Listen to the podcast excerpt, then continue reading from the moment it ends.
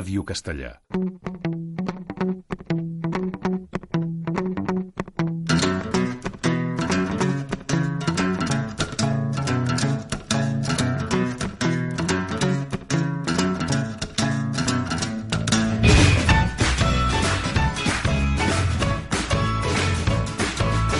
...35 mil·límetres, amb Jonathan Maestre i Josep Prieto. Just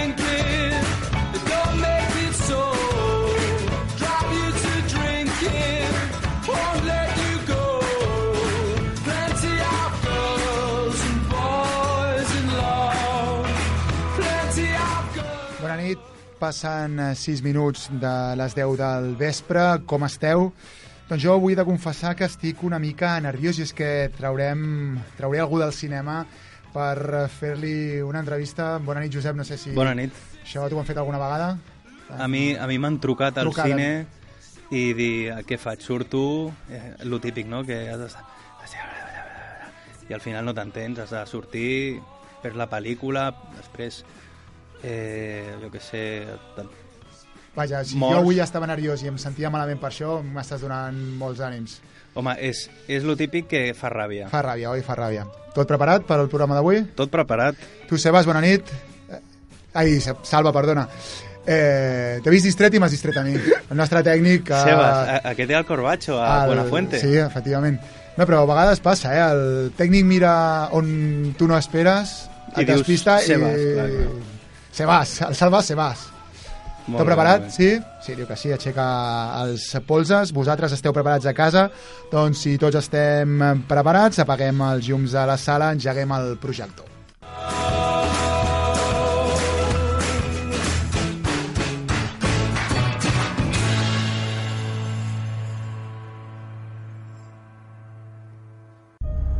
Desde los últimos juegos, algo ha cambiado. Lo veo. ¿Qué es lo que ves? Esperanza. Tiene que ser eliminada a su tiempo. Tenemos que irnos, Gale, antes de que nos maten. Nos matarán. La gente quiere luchar.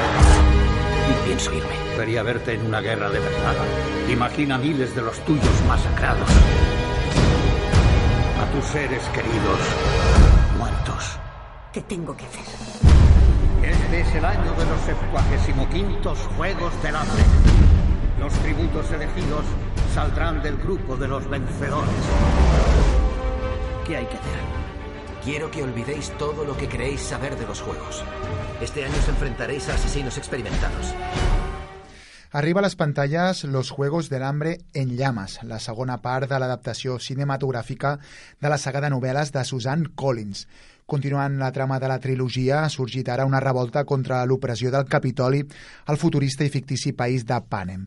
Katniss i Pete, els herois de la història, han de tornar a l'arena en una edició especial de vencedors dels Jocs. Així doncs, ocupant el cel·luloide, tornem a trobar a l'oscaritzada Jennifer Lawrence i a Josh Hutcherson. També repeteixen rostres molt coneguts com el de Woody Harrelson, Donald Sutherland, Liam Hemsworth, Lenny Kravitz, Elizabeth Banks o Philip Seymour Hoffman. El director en aquest cas és Francis Lawrence, després que Gary Ross que va dirigir l'entrega anterior, sembla ser va refusar l'oferta. Els productors han lligat bé al nou director i Lawrence ja està treballant en la culminació de la trilogia, que es presentarà en dues pel·lícules. Sempre, Josep, aquest és el so que ens porta a repassar la recaptació de la setmana. Pues al box office estatal trobem en primera posició l'última de Woody Allen, Blue Jasmine, que ha fet 1,2 milions d'euros a la primera setmana. La segueix Thor, El Mundo Oscuro, que porta 5,5 milions d'euros a la tercera setmana. I en tercera posició, Sèptimo, que porta 1,6 milions d'euros a la segona setmana. I al box office americà trobem Thor, El Mundo Oscuro, amb 147 milions de dòlars a la tercera setmana. La segueix la comèdia The Best Man Holiday, amb 30,6 milions de dòlars a la primera setmana. I acabem amb Plan en Las Vegas, que porta 47 milions de dòlars a la tercera setmana en cartell.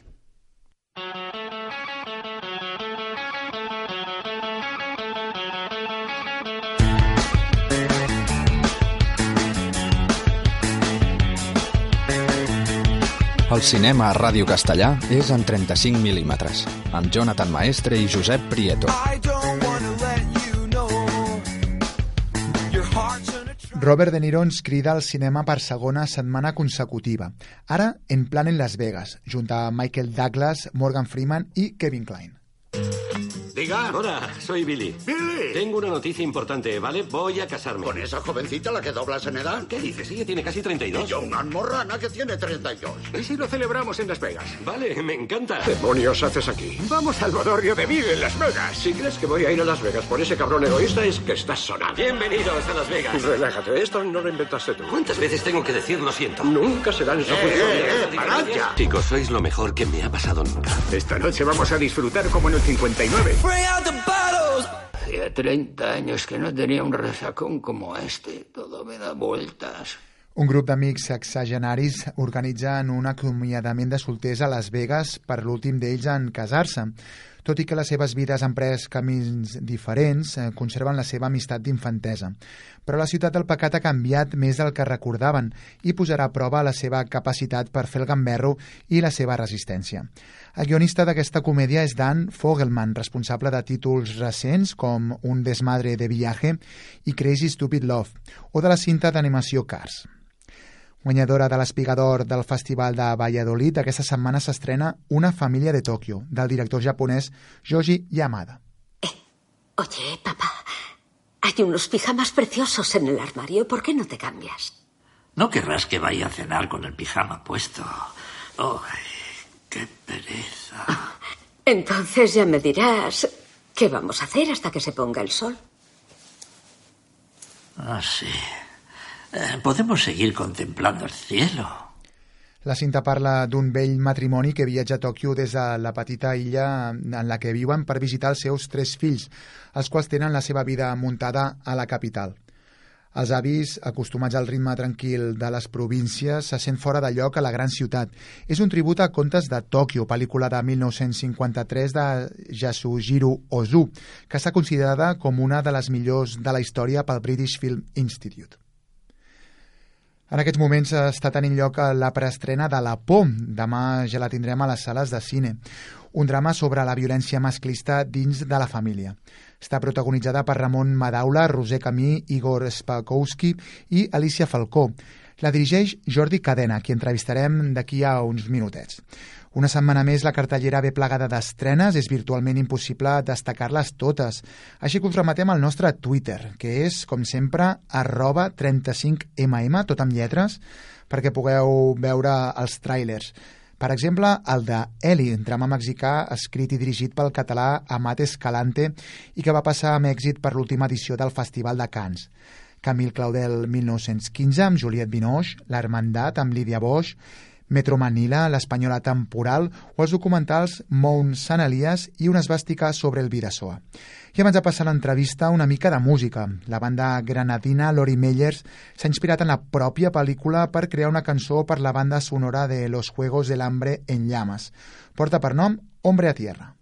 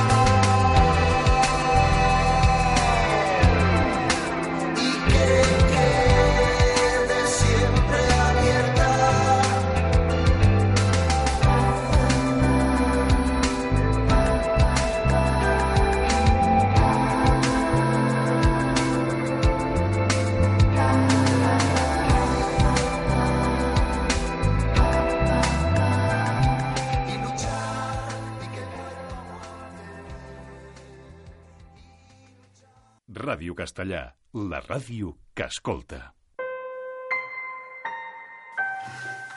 Nosaltres de qui som? Com que aquí som? Sí, de qui som? No t'entenc. Tu, la mare i jo, de qui som? De ningú. Per què? No som del pare? No, no som de ningú. Això que acabem de sentir pertany al tràiler de La por. Tenim a l'altra banda del fill telefònic el seu director, en Jordi Cadena, a qui, a qui acabem de segrestar de la preestrena que està tenint lloc ara mateix a Barcelona. Eh, bona nit, Jordi, gràcies per atendre'ns. Hola, bona nit. Com estan en el passi de la pel·lícula?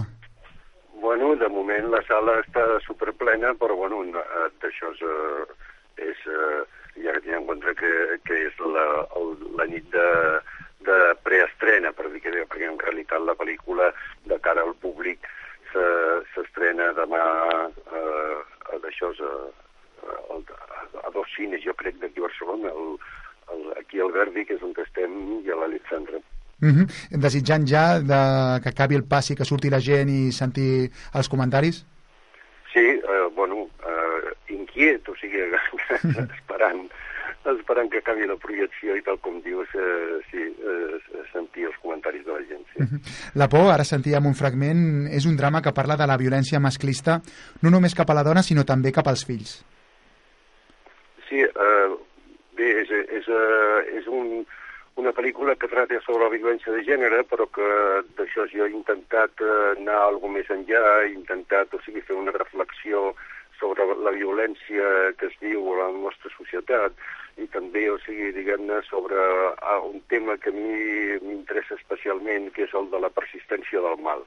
El fet, o sigui, de que mm, en aquesta societat en la que visquem, en la que vivim, o sigui, la, el, el mal està contínuament present i a més a més, o sigui, diguem-ne, quasi, quasi sembla com acceptat, saps? I d'això, i, i és una cosa que m'inquieta i que m'interessa de reflectir-la en diferents històries eh, en, en el meu mitjà, que és el cinema. Mm -hmm. És una pel·lícula dura, canyera, ben, des del ben, ben principi de la, de la cinta. Sí, és, és una pel·lícula dura, és una pel·lícula seca, és una pel·lícula, eh, diguem-ne, allò, eh, en certa manera distant, però, però a la vegada pròxima. Eh, en fi, és, eh, és, eh, és una pel·lícula que, a més a més, també la, la, la narro amb un llenguatge que no és l'habitual, eh, diguem-ne, que la gent està acostumat, eh, acostumada a veure històries en el cinema, sobretot el, el llenguatge que és el, el llenguatge predominant, que és el, el, fonamentalment el llenguatge televisiu, doncs jo trenco amb, amb, aquestes, eh, amb aquestes normes eh, de, de llenguatge clàssic i faig una pel·lícula molt personal i una, una pel·lícula d'autor. Mm -hmm. Perquè, com tu dius, eh, la part del discurs narratiu o el discurs audiovisual és, és potser més important a la pel·lícula que, que la pròpia trama.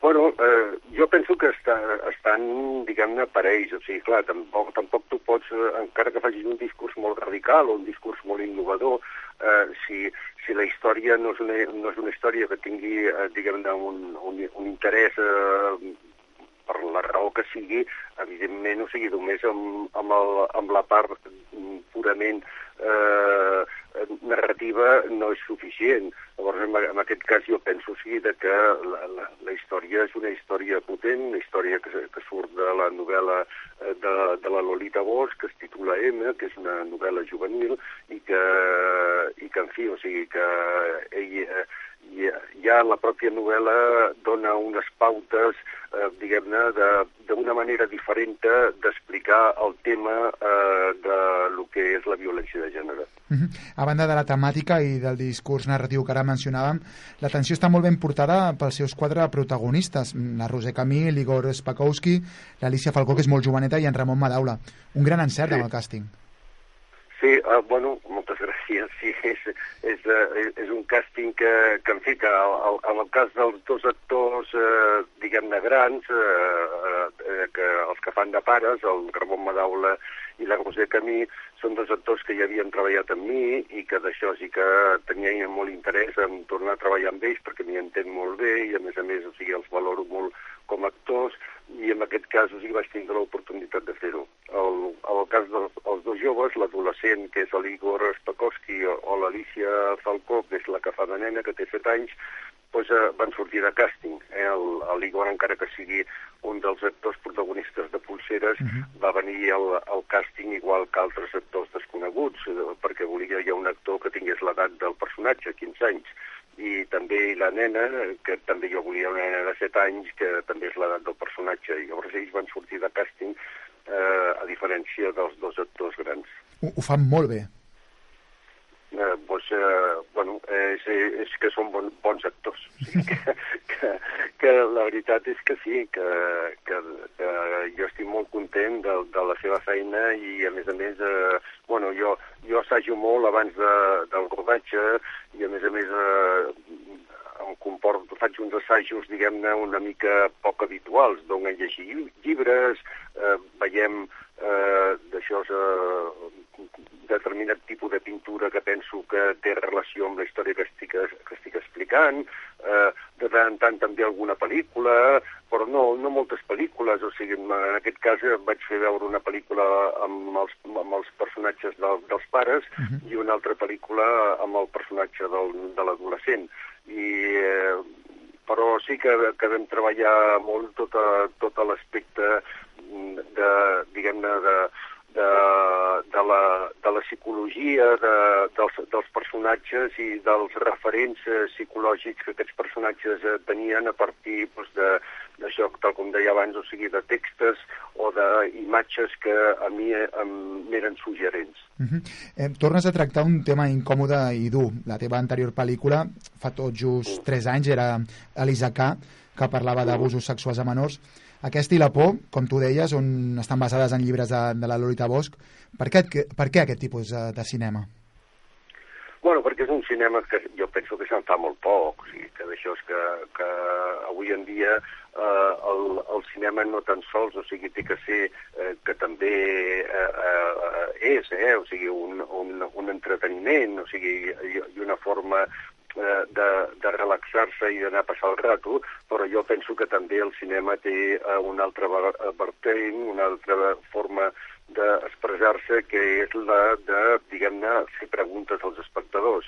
Eh, fer, eh, eh, la, por és una pel·lícula de preguntes, no de respostes. O sigui que eh, el, el, d'això, els temes venen donats precisament per, eh, perquè considero sí, que són temes d'una gran actualitat i que eh, això sí que jo el que faig és interrogar a l'espectador sobre o sigui, la problemàtica d'aquesta actualitat, que és una problemàtica que vivim o sigui, diàriament. Uh -huh. No- parlaríem precisament de, de cinema comercial en aquest cas. Mm, mm, Com es compagina aquest tipus de, de pel·lícules amb, amb la seva resposta a la taquilla? Mm, La, la recaptació Bueno, és, és una que et preocupi? Evidentment, sempre sí, és una recaptació menor a la de les, a el que considerem pel·lícules comercials, i, i parlo exclusivament, o sigui, de pel·lícules catalanes o com a molt de pel·lícules espanyoles. Llavors, eh, eh, clar, eh, està clar, o sigui, de que eh, ja sabem, o sigui, que en general el, el cinema mm, és un... Eh, en aquests moments està passant, o sigui, per uns moments eh, no especialment allò boiantes en relació a la taquilla, eh, però eh, a, sobre els que fem un cinema així més radical i, eh, diguem-ne, i, i, i més d'implicar a l'espectador en, el, en la història, eh, encara, o sigui, és més dificultós, o sigui, diguem-ne, a, l'èxit, el que es considera èxit de taquilla. Mm. Com arribes a un acord amb la, amb la productora, en aquest cas, per, per poder fer un, un tipus de pel·lícula així, que, que potser la taquilla no, no respondrà com... bueno, com... eh, en el fons, en el fons, o sigui, eh, això seria llarg d'explicar ara en una entrevista la ràdio, però d'això, però en el fons eh, és un problema de finançament. És trobar les fonts de finançament adequades que facin, o sigui, de que el risc, o sigui, de la pel·lícula a nivell de, eh, de que d'això, de que la pel·lícula tingui que recuperar els diners per lo que faci en taquilla, sigui molt poc. Saps? I d'això, i eh, diguem-ne, el, el, el, les, les, el cost del finançament de la pel·lícula vingui per uns altres costats, com poden ser televisions, com poden ser aj- ajuts oficials i com, com poden ser, o sigui, ventes internacionals. Jo crec que és una pel·lícula que quan arribi a la tele funcionarà molt bé. Sí, bueno, aquestes pel·lícules petites, o sigui, la meva és una, és una pel·lícula molt minimalista, eh, una pel·lícula eh, d'això que amb, les, amb, el, amb, amb els més mínims elements intento explicar al màxim, i això, eh, evidentment, aquest tipus de pel·lícules, encara que és agraït, o sigui, veure-les en una pantalla gran, també amb les pantalles, o sigui, més petites, també funcionen bé, perquè eh, d'això són pel·lícules intimistes i que, i que d'això i que són agraïdes de veure en una pantalla petita. Uh, et veurem fent alguna cosa més comercial en un futur proper? Perdó? Si et veurem fent alguna cosa més comercial en un futur proper. Ah, no, jo, jo segueixo amb la meva línia d'aquest tipus de cinema, que és el que a mi m'interessa, i, i en fi, o sigui, mentre el pugui continuar fent, doncs, eh, és el que ja et dic, o sigui, és el, el, el, el que em ve de gust fer, i és el que considero o sigui, que, que d'això és que és necessari fer. Eh, per tant, o sigui, no, els projectes que tinc estan tots en, en, en, més o menys en aquesta línia, En aquesta línia. diferents, en temàtiques diferents, però sí que en aquesta línia. Mhm. Com alguna cosa que ens puguis explicar? Alguna cosa entre mans ara mateix?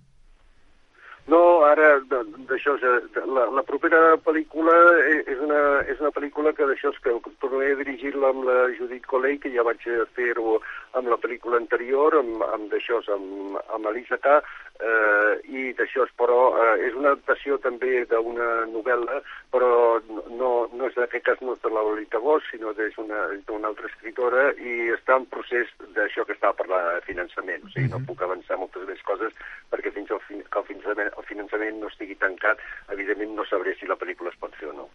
Jordi, com anem de temps abans que hagis de tornar a la teva preestrena? Dic perquè no et vull robar gaire No. més estona. El, el, de, el dius el de... Perdona, és que... Sí, no, et deia que, tu- que, que, que com anem de temps abans que hagis de tornar a la teva preestrena? Et puc robar Ah, una, una no. miqueta més? No, eh, de, de moment, de moment, o sigui, eh, eh, tinc, tinc temps perquè, bueno, perquè s'està passant la pel·lícula, però clar, com pots comprendre, ja l'he vista suficients vegades, jo.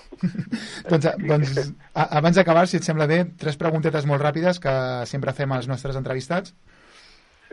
Quina és la pel·lícula preferida d'en Jordi Cadena?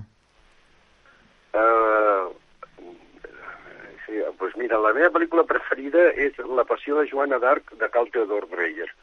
És una pel·lícula muda de l'any 28. Caram, sí, eh, eh, tirem enrere.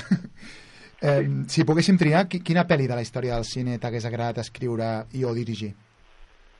Eh, pues, eh, bueno, eh, m'hagués agradat escriure i dirigir, per exemple, eh, la, la peli, una, peli, una pel·lícula de Robert Bresson eh, del, dels anys, de final dels anys 50 que es titula Pickpocket. Mhm.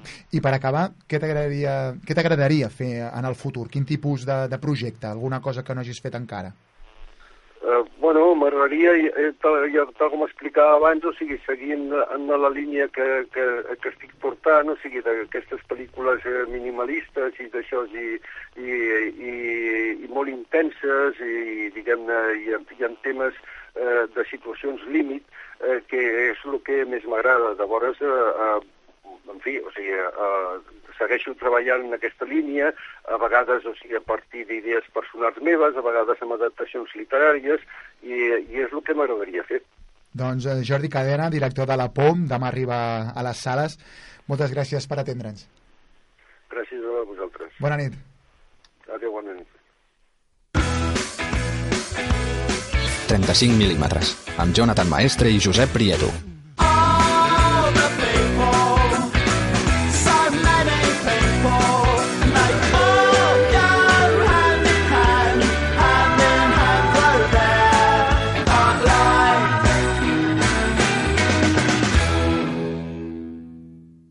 It's hard letting go. I'm finally at peace, but it feels wrong. Slow, I'm getting up. My hands and feet are weaker than And you are folded on the bed where I rest my head. There's nothing I can see. Darkness becomes me,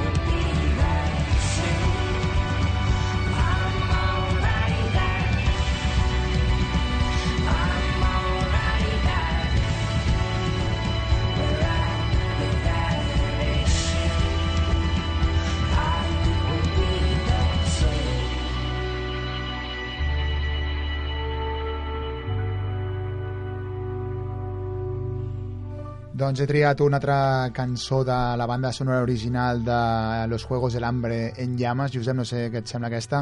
És de Of Monsters and Men, es diu Silhouettes. I he trobat que avui estava bé, vaja, la, la banda sonora està repleta de grups de, del pop més o menys- Modernets, Sí, no? més o menys Així- indie, tot i que ja molts són, estan aconseguint eh, reconeixement comercial i, i ja potser no són tan indis com, com ho eren en un principi, però bueno, un, un disc recomanable i, i per això he tornat a triar eh, una cançó de, de la banda sonora d'aquesta pel·li que s'estrena demà. Doncs si et sembla una mica de repassada de l'actualitat. Sí. Ninfomaníac, que és el nou, el nou del sempre controvertit Lars von Trier, segueix donant que parlar mesos abans de la seva estrena, i és que aquesta història d'una ninfòmana explicada en primera persona amb actors com Shia LaBeouf, Christian Slater, Uma Thurman, William Dafoe, Stellan Skarsgård o Jamie Bale serà la primera de les seves cintes en la qual el danès no serà responsable directe del muntatge que es veurà a les sales de cinema. Després de la polèmica generada per la censura de YouTube, a un dels clips promocionals, ara la pel·lícula torna a ser notícia pel seu muntatge final. Mhm. O sigui, finalment, és curiós, eh, perquè aquest director sempre vol ficar la, la mà a tots els seus projectes i que no estigui dintre de, del muntatge és curiós. La Comissió Europea va actualitzar les normes per concedir ajudes públiques al cinema i obres audiovisuals que amplien el marge de maniobra dels 28 per definir les activitats culturals que podran rebre suports amb vista a mantenir la viabilitat del cinema europeu. L'objectiu és fomentar la creació audiovisual vibrant a Europa alhora que preservar la diversitat cultural a tota la UE. Va destacar en una roda de premsa el vicepresident de la CE i responsable de competència, Joaquín Almunia, qui va subratllar al seu torn que la iniciativa persegueix garantir la viabilitat i competitivitat del cinema europeu. Terrence Howard, l'actor que va interpretar el personatge del tinent coronel James Rhodes en el primer lliurament d'Iron Man, acusa el protagonista de taquillera franquícia Robert Downey Jr. de fer-lo fora de la saga i quedar-se amb els seus calés. Va ser durant una entrevista amb motiu de l'estrena de la seva última pel·lícula The Best Man Holiday, on Howard va responsabilitzar sense anomenar-lo directament a Downey Jr. de la seva sortida d'Iron Man.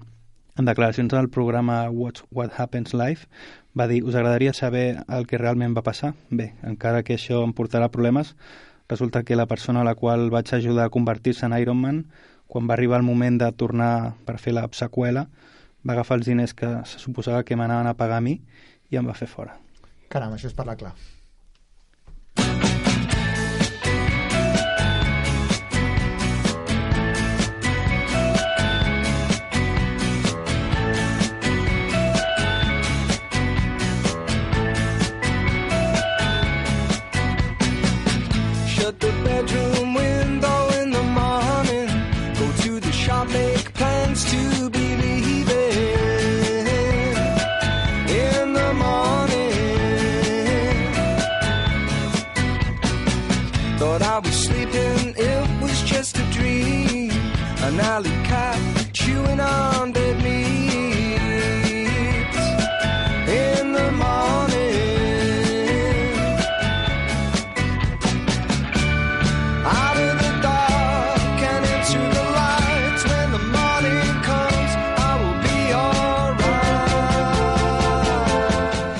Doncs avui, Josep, a la mirada enrere ens portes 2001, una odissea en l'espacio, pel·lícula de Kubrick del 1968, eh, pel·lícula que, de la qual ja hem parlat mm, més d'una vegada aquí al, al cinema Mhm. i que és una de les millors pel·lícules de la història, una de les 50 millors pel·lícules de la història segons el British Film Institute. Està molt bé, ara t'ho diria de memòria, la, el rànquing es va actualitzar l'any passat i Cinquena o por ahí? Cinquena por ahí, eh? Sí, sí, està entre les 10 primeres eh, sense cap mena de dubte. Abre la puerta de la cámara de las cápsulas, Hal. Abre la puerta de la cámara de las cápsulas, Hal. Hal, ¿me estás leyendo? ¿Lees lo que te ordeno? ¿Me lees, Hal? pues això que sentíem era, sense cap mena de dubte, era HAL, que significa Heuristic Algorithm Computer, o sigui, ordinador d'algoritmes heurístics, tot i que va córrer el rumor de que eren les lletres anteriors a IBM, o sigui, la H, que va anterior a la I, no? i la, és, és una cosa que no sé per què va córrer el rumor i, i sembla ser que és totalment fals. Eh, Explico bé. La H va davant de, de la I... O sigui, la, sí, la, la, A va, la H va davant de la, Tu de estàs la I. arreglant, ara. Sí, sí, la, la, la, la A abans de la B i, I la L L abans de després la de- d'abans de, la, de la I. A veure, sí, m'he enredat, m'he després de- enredat, però estava intentant explicar bé una cosa que sobre el paper mm, queda clar, però pels oients que no tenen escrit És- davant dels o sigui, seus ulls. HAL, H-A-L, IBM, IBM. La lletra anterior a la H és la I, l'anterior a la A és la B i l'anterior a la L, no, perdona, ves com al és revés, difícil de- al revés, al revés. Ves com és difícil d'explicar? Bueno, va. Continua, tira, sí. Jo crec que els nostres oients són més intel·ligents que nosaltres i ho han Segur. entès a la primera. Un dels micos de la seqüència de El amanecer del hombre és Danny Glover. No sé si et sona. Home, el coprotagonista d'Arma Letal. Arma Letal, que també surt a So, ja una mica ja més gran. Pues, pues va, va ser una de les seves primeres aparicions a la gran pantalla. I anys després pues, li eh, instal instal·larien una bomba al, al vàter i no es Sí. podria aixecar fins que no la desactivessin. Correcte. Està bé. Per fer la pel·lícula, Kubrick va estar 4 anys al costat d'investigadors de la NASA per tenir la seguretat que tots els avançaments electrònics i de més existissin en, en un veritable 2001. Buenas noches. Hace tres semanas la nave espacial Discovery 1 partió hacia Júpiter distante 600 millones de kilómetros. Esta es la primera vez que una nave tripulada intenta llegar a aquel lejano planeta. Esta tarde hemos grabado una conversación con los tripulantes del Discovery a una distancia de 130 millones de kilómetros de la Tierra. Nuestras palabras tardaron siete minutos en llegar a la gigantesca nave espacial, pero este retraso ha sido suprimido de la grabación. El, el Stanley Kubrick va fer els deures, sí que potser sí que es va documentar força abans de començar a rodar la pel·lícula, però com sempre totes les pel·lícules que parlen d'un futur aquest futur és més avançat de, del que realment Sí, sí, sí. després eh, la història no, els anys han, han, han demostrat Això passa a Regreso al Futuro, no? Que, que van amb, amb Mono- patinets patin- sense... voladors i Sí. etc. A la primera part de la pel·lícula es pot veure un felí de l'època menjant-se una zebra, però realment la zebra era un ruc pintat, que jo crec que això és un homenatge a Catalunya. Seguríssim. Jo crec que sí. En Kubrick un gran fan de, de Catalunya i dels castells. Sí. Mhm. Eh, la nena petita que surt a la pel·lícula parlant amb el seu pare per telèfon és una de les filles de, de Kubrick. Home, clar, per què paga un extra si puc ja té explotar la la, meva filla. filla, i tant? A la pantalla de computadora HAL surt de sobte la paraula Emet, que significa en hebreu la veritat. Lo siento, Dave. Eso no me es posible. ¿Qué te lo impide? Usted sabe tan bien como yo qué es lo que me lo impide. ¿De qué estás hablando, Hal? Quiero demasiado esta máquina para permitir que usted la ponga en peligro. No acabo de entender a qué te refieres. Sé que usted y Frank estaban planeando desconectarme.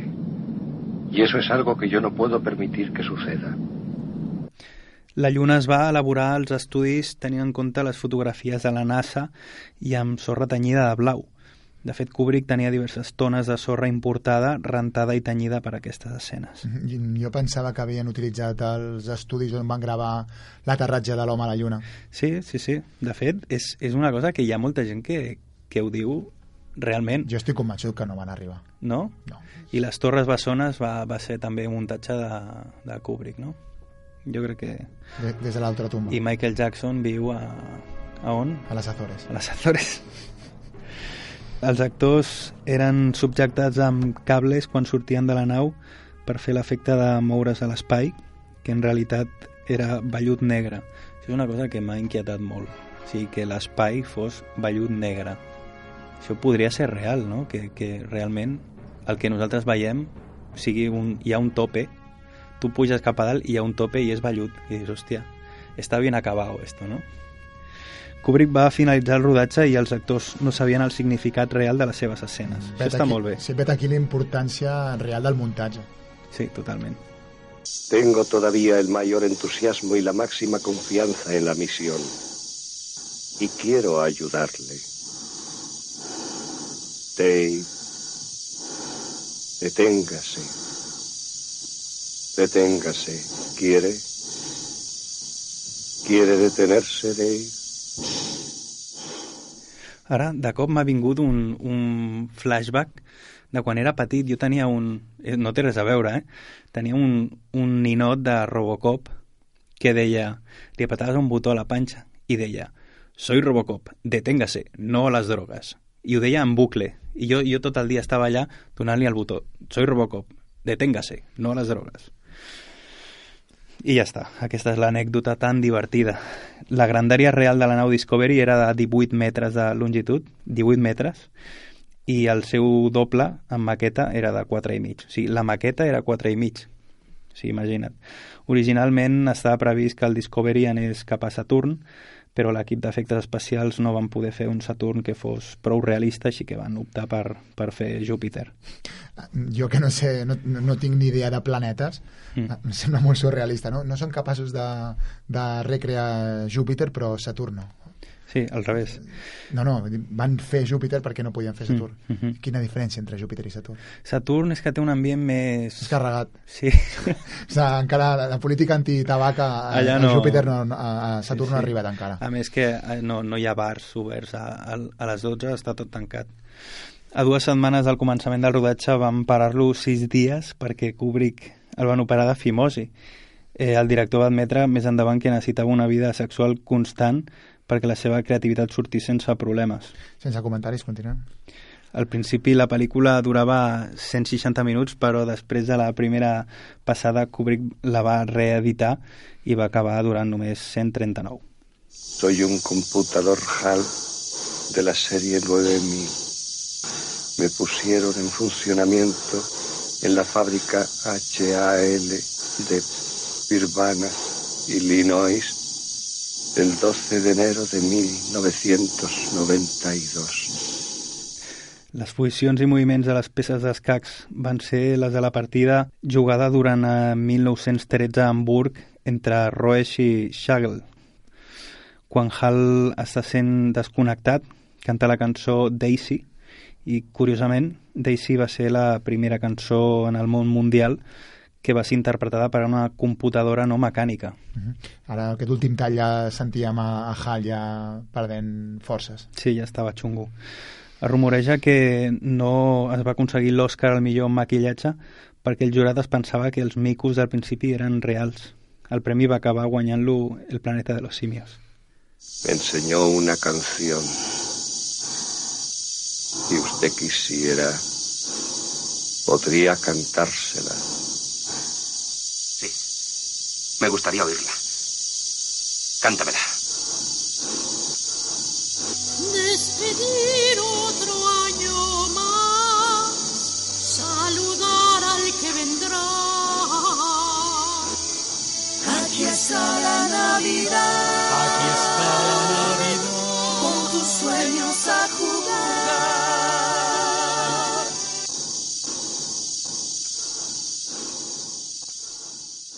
El Hal estava... Perdó, Hal, o, o en aquest cas O la, se- la seva ment al darrere, el Stanley Kubrick estava tan avançat a la seva època que sabia Sí. com seria l'anunci de la loteria de Nadal Jo, jo, del crec que 2013. aquí, jo crec que aquí és al revés. L'anunci està atrasat.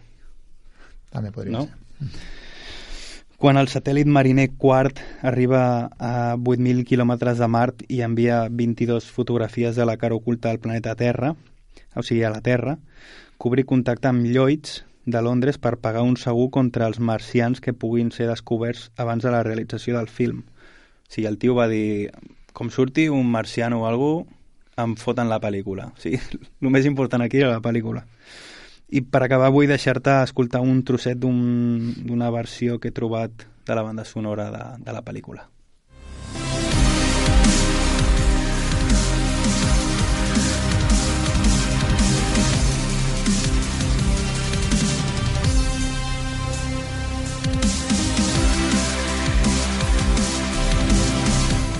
Està xula, però jo, jo crec que la versió de Strauss és insuperable. És una mica drum and bass, no? Dubstep.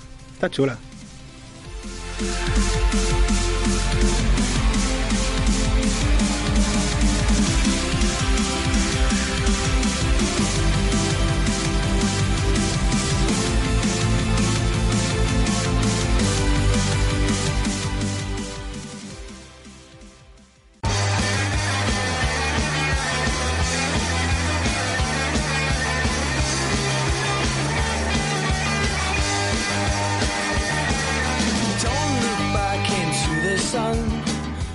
9 minuts pel final del programa per les 11 de la nit. En Josep, el títol original avui ens parles de...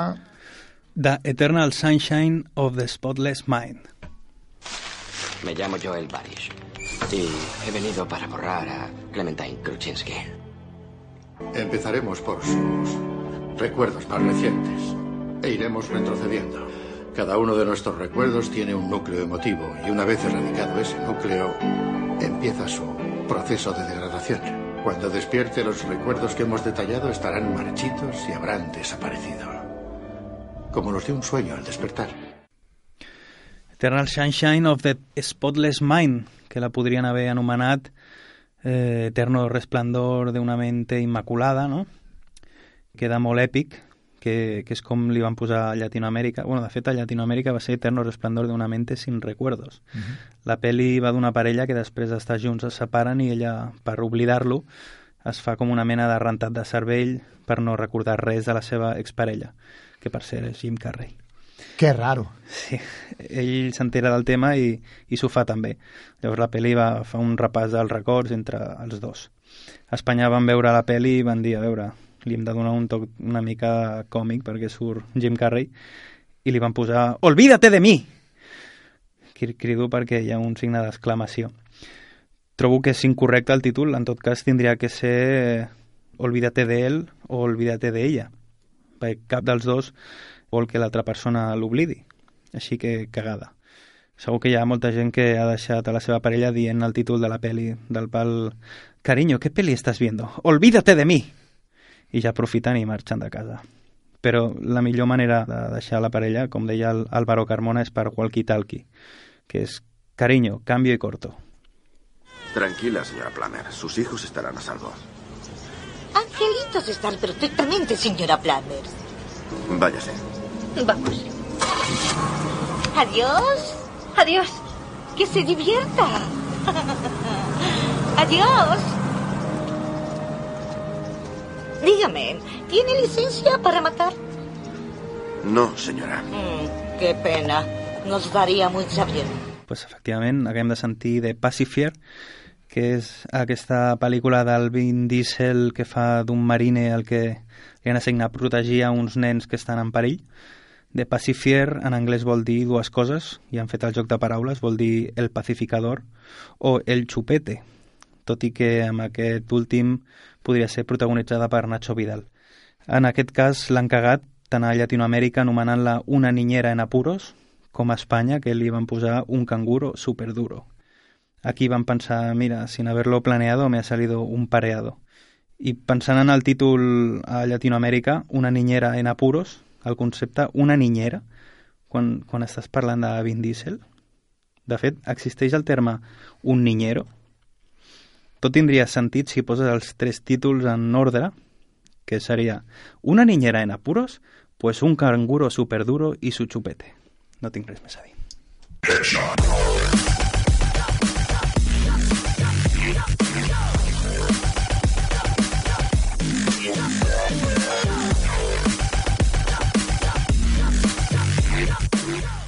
Aquesta secció del títol original s'està convertint en una de les meves preferides. Saps per què? Perquè deixo parlar i no, no he de dir res, no he de fer cap comentari al respecte. I... Però si t'estàs quedant adormit, que t'estava mirant jo, que estaves ja, tenies el cap ja al terra, pràcticament. Bueno, sort que queden eh, 5 minutets per acabar el programa, podrem anar a dormir, però abans un petita repassada al Twitter. Avui repassem alguns tuits que m'han semblat destacables, com per exemple el de Borja Coveaga, el director de cine, que diu no sé què tienen tus ojitos que me vuelven low cost. Que Aquest, aquest m'ha fet Sí, gràcia. original, molt original. Aquest tio és molt bo. Al Dani Sánchez Arevalo, el director, he de confesar que mola mucho que el policía del control de pasaportes me mire, me sonríe y me pregunte si voy a rodar en Nueva York. Clar, és que els, els directors roden tres mesos cada dos o tres anys. Seria molta casualitat de que, de que l'enganxin que va rodar, no? Perquè o sigui, tenen una vida molt relaxada. Home, o que un poli dels Estats Units el reconegui pel passaport. També és bastant Sí. impensable. Sí, sí. Berto Romero diu mis amigos han contratado a tres, de fet ha posat mis am- amigos, entre paréntesis, han contratado a tres tunos para que me canten cumpleaños feliz en el restaurante. Mucha emoción e incomodidad a la vez. Feliz. Deu ser dur, eh? Perquè la tuna és, és el diable encarnat, eh? Quan ets famós has d'aguantar algunes coses, però sobretot si tens un perfil a Twitter, mira el que li van dir a Julián López un tal MST Máximo 1999, o sigui, un tio ja d'una edat, eh? que és el 99. Tío, te vamos a pegar una puta paliza china, no, gitana, sí, no, china, con todos mis familiares y no te mataremos, te haremos sufrir. És, és complicat, eh, d'entendre. Ell li diu, ¿me podries explicar la razón de esta amenaza? Pues si ja estàs veient aquest tio, el MST Máximo 1999, que no se l'entén. O sigui, jo crec que aquest tio o estava molt cabrejat quan estava escrivint i, i s'ha atropellat a ell mateix, però no té cap sentit. No, jo crec que l'acabava de visitar la tuna. I per això estava, Correcte. estava emprenyat. Doncs tres minutets per acabar el programa, per arribar a les 11 de la nit. Eh, Josep, moltes gràcies per tot. Gràcies. Gràcies a tu, Salva, i a vosaltres... Sebas. Se Sebas, Salva. I a vosaltres us deixem amb una altra mostra de la banda sonora de Los Juegos del Hambre en llames, aquesta segona entrega. És el grup de Luminers i la cançó que sona és The Gale Song. Sigueu feliços i aneu al cinema.